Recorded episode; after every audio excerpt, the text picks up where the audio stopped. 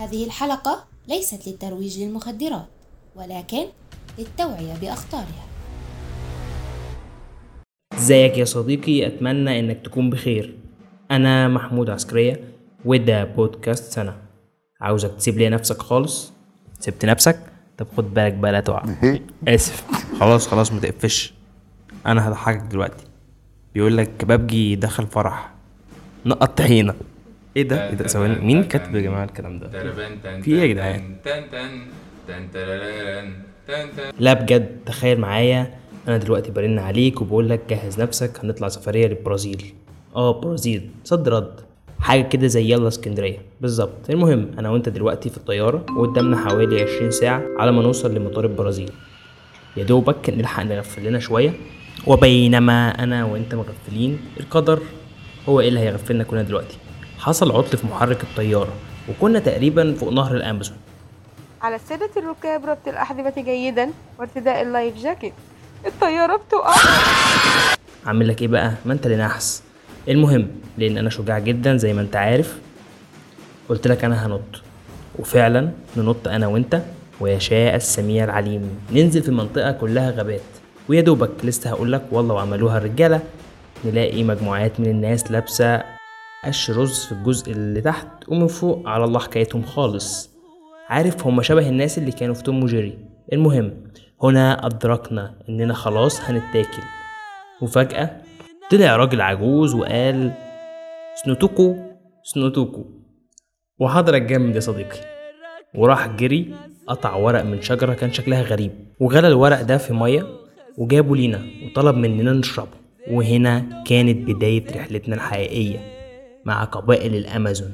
بمجرد ما تناولنا المشروب اللي جابه لنا واللي كان شبه الشاي هوصف لك إحساسي دلوقتي. بدأت أحس بريحة حريق وصوت طرقعة الخشب وإن الحركة والزمن بقى أبطأ.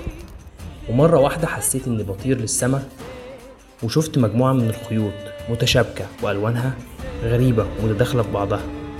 شفت ناس كانت ماتت واتكلمت معاهم.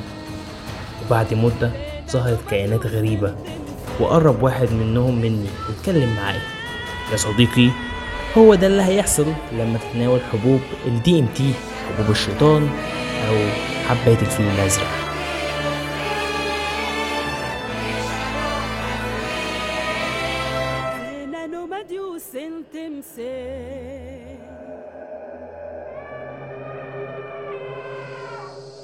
والآن حان موعد السؤال المهم. هو فعلا سؤال مهم جدا. إيه هي ال DMT هي حبوب مهلوسة؟ وبتيجي من مادة اسمها ثنائي ميثايل تريبتامين. ولما بتتناول ال DMT بيبدأ يزيد هرمون في الدماغ. الهرمون ده اسمه السيروتونين. مسؤول عن السعادة. مما ينتج عنه حدوث اضطرابات في كيمياء المخ. وبالتالي شعور المتعاطي بهلاوس. سمعية وبصرية. بيعتقد خلالها بقدرته على الانتقال بين الزمن ورؤية أشخاص وسماع أصوات غير حقيقية. طيب الحبوب ديت بتتناول بعدة طرق إما التبخير أو التدخين من خلال أنابيب أو يتم تناولها عن طريق الفم أو شمها أو حقنها عبر الوريد. ولكن ده قليل شوية. ريحتها عاملة إزاي؟ ريحتها شبه الأحذية أو البلاستيك المحروق. ممكن تكون حبوب الفيل الأزرق محققتش شهرتها من فترة كبيرة لسه محققة شهرتها من فترة قريبة.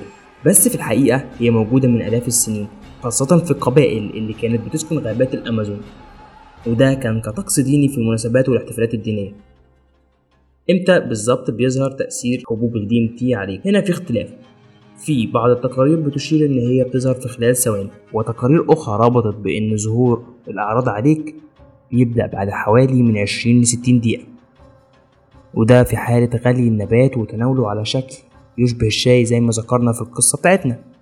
أما ال DMT المصنع يستغرق حوالي 10 دقائق حتى يظهر تأثيره.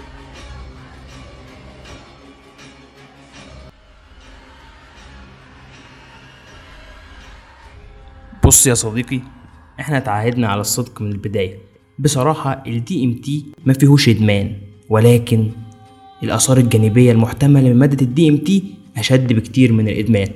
أول حاجة زيادة في معدل ضربات القلب زيادة في ضغط الدم ألم في الصدر وضيق في التنفس اتساع في حدقة العين حركات إيقاعية سريعة للعين دوخة. لما بتتناول عن طريق الفم ممكن يسبب ال DMT الغثيان والقيء والإسهال وبتستمر الآثار الجانبية العقلية لعدة أيام أو أسابيع بعد تناول الدواء. ومن الممكن أن يؤدي إلى الوفاة. نتيجة حدوث نوبات قلبية وأيضا يؤدي لحدوث الاكتئاب الذي يؤدي بدوره إلى الانتحار. والزيادة الكبيرة في إفراز هرمون السيروتونين اللي إحنا قلنا في الأول إن هو مسؤول عن السعادة ده هيؤدي لحدوث متلازمة اسمها متلازمة السيروتونين ودي بتهدد حياة المتعاطي.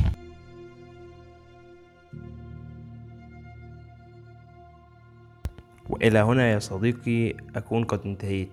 أتمنى أن أكون قدرت أقدم لك الإفادة.